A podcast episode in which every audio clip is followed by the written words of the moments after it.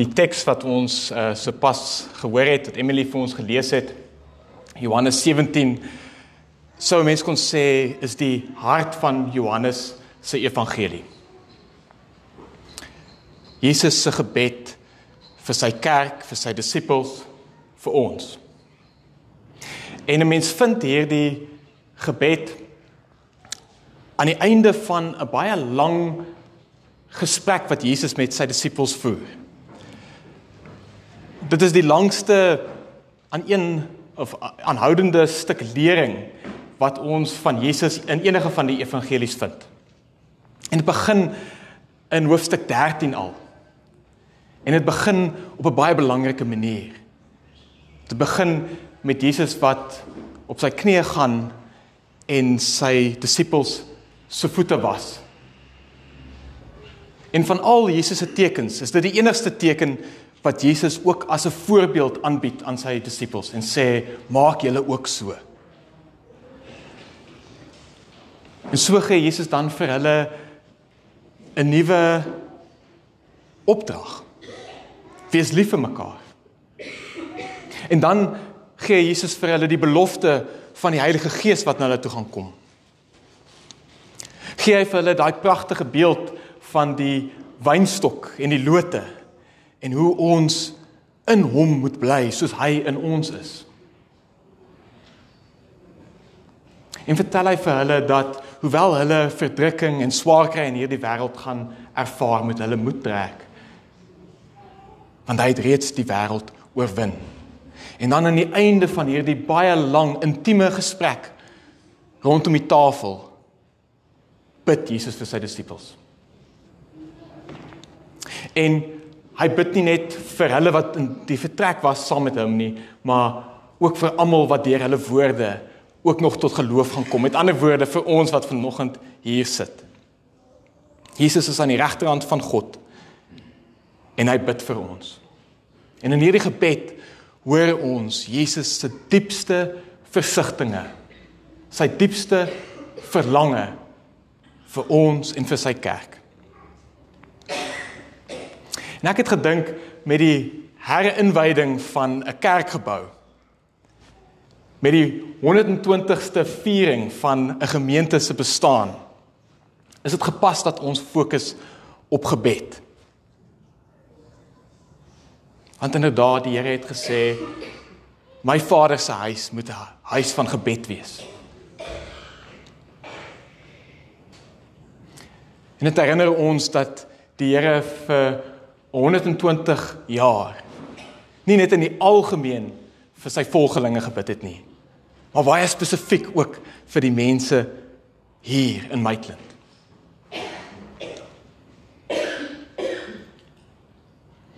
Moeder Teresa het gesê oor gebed, iemand het eendag vra gevra nou hoe bid jy? En sy het gesê nee, wat ek sê nie eintlik te veel nie, ek luister maar net na God. En toe vra die joernalis wat die onderhoud met haar gevoer het, nou maar, wat sê God dan? Toe sê sy nee, God luister ook dan maar net. En ek dink dit sê vir ons iets baie belangrik oor gebed. Gebed gaan nie in die eerste plek oor woorde nie. Oor versoeke nie. Ten diepste gaan dit oor 'n saam wees met God oor 'n luister oor 'n groei. En ook maar goed so want toe ek jonk was het ek gedink gebed gaan hoofsaaklik oor vra en ek het vir die Here gevra ek wil asseblief 'n Springbok rugby speler wees. En ek's baie dankbaar dat die Gees vir ons intree. En dat die Gees geïntersept het en my op 'n ander weg gestuur het. Iets anders vir my gebid het. En die Springbok afrigter is ook net so dankbaar en almal van julle ook.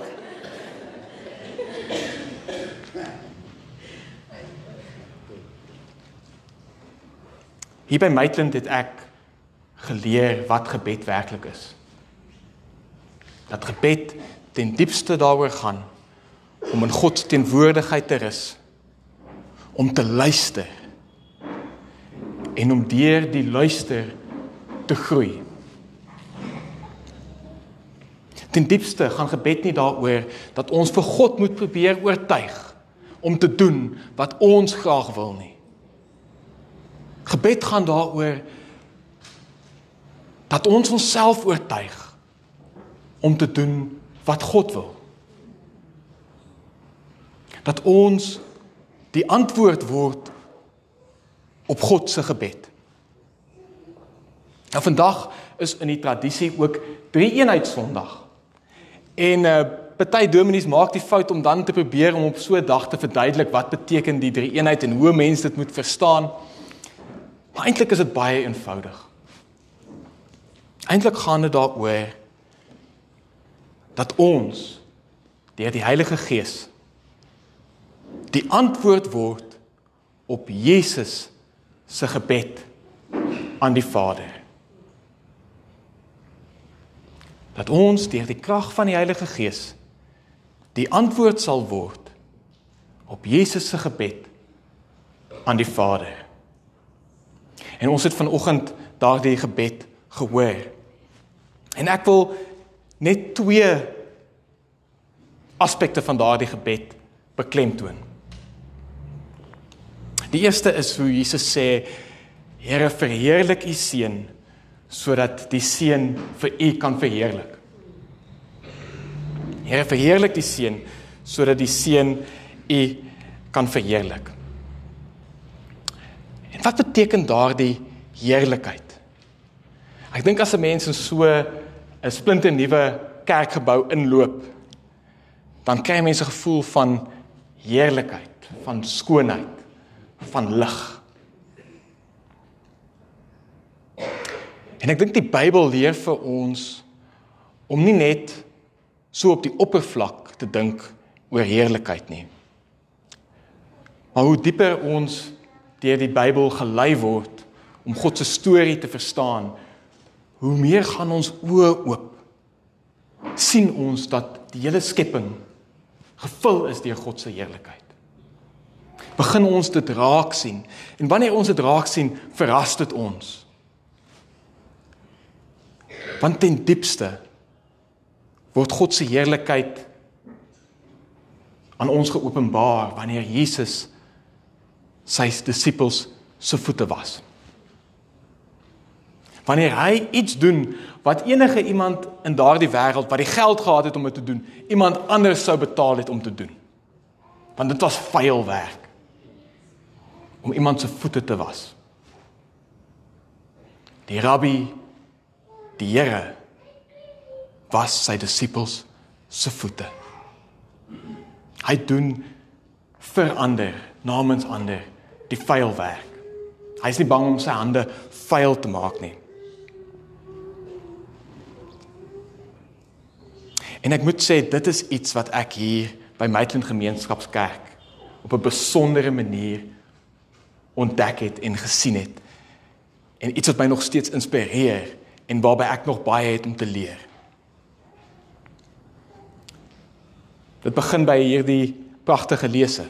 Ons by Maitland Gemeenskapskerk se hande en harte is oop vir alle mense.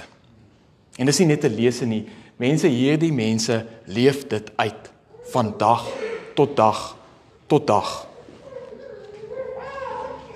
Ek dink aan hoe kort nadat hierdie kerkgebou afgebrand het en dit net ruïnes was en dit net stof en as was.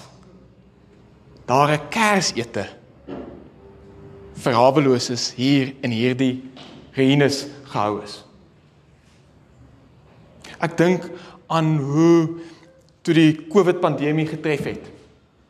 En ons almal teruggaan na ons gaatjies toe, hoe hier eintlik uitgegaan is na die strate toe om honger mense te voed. Helpende hande, die sopkombuis het gegroei. Dit het nie gekrimp nie.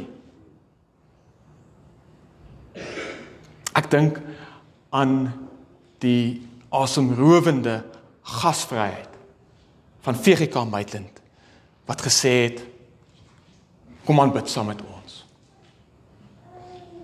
Kom sit aan ons tafel 'n tipe gasvryheid waar mens later aan vergeet jy's 'n gas want jy begin deel raak van die familie. Ek sal nou nog 'n bietjie meer daaroor sê. Ek dink aan die ongelooflike ondersteuning wat oor die jare gegee is aan Maitland Gemeenskapskerk deur die verskillende vennote wat dit moontlik gemaak het. Ehm um, baie van julle is vanoggend hier. Ek dink aan Dominee Jonita. Mense 'n meer diensbare dienende leier het jy in jou lewe nog nie gesien nie. Iemand wat haar hande vuil maak. Op al hierdie maniere sien ons God se heerlikheid. Sien hoe ons hoe die Heilige Gees ons die antwoord maak op Jesus se gebed aan sy Vader.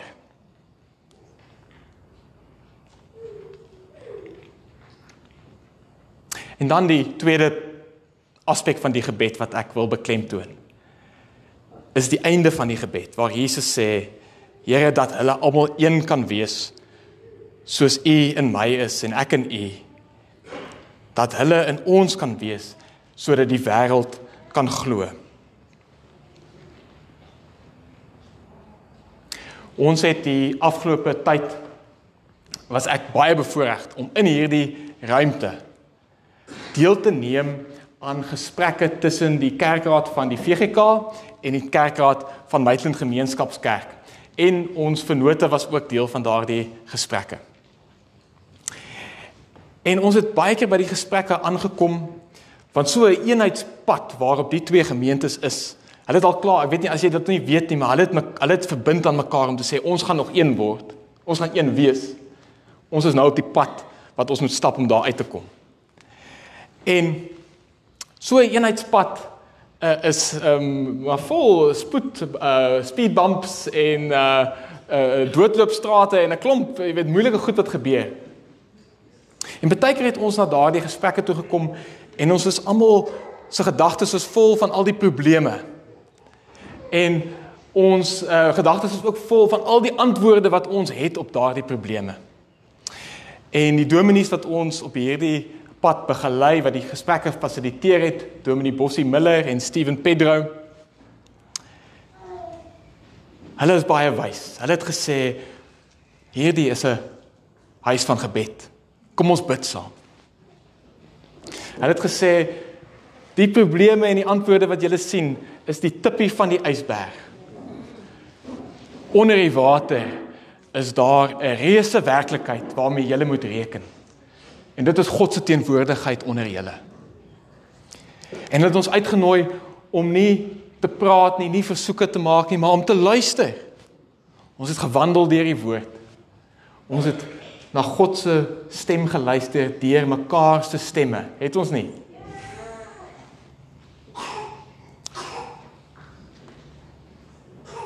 En ons was so verryk deur daardie ervarings.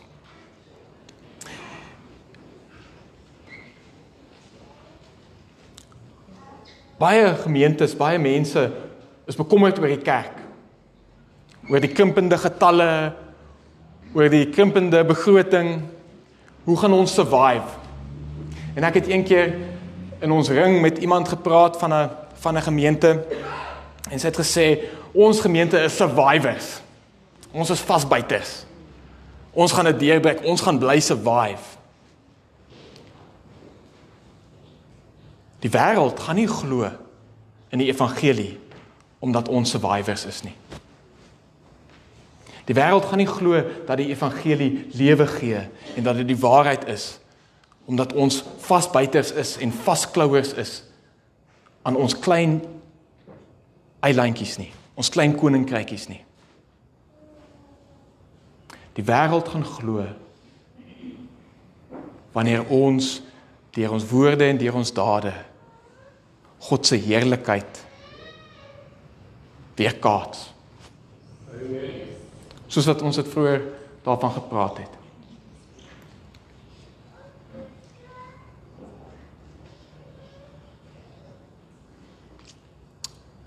Nie independence nie, maar interdependence.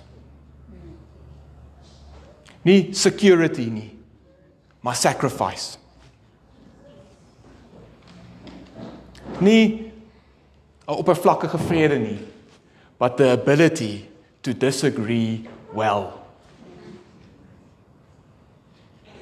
Ek het al van die almal al hierdie eienskappe al gesien. En dit is my gebed vir almal van ons, nie net Maitland Gemeenskapskerk en Maitland VGK nie, maar vir almal van ons. Dat ons geanker sal bly in gebed. In teenwoordig wees in God se teenwoordigheid. In luister. Dat ons God se heerlikheid in die wêreld sal leer sien en weer kaats, dat ons ons hande sal vuil maak, dat op ons op ons knieë sal gaan vir mekaar. Maar ook dat ons die wonderlike vreugde en vrede van ware eenheid sal ontdek en ontdek en herontdek. Dat ons daaraan sal werk en dat ons dit sal vier.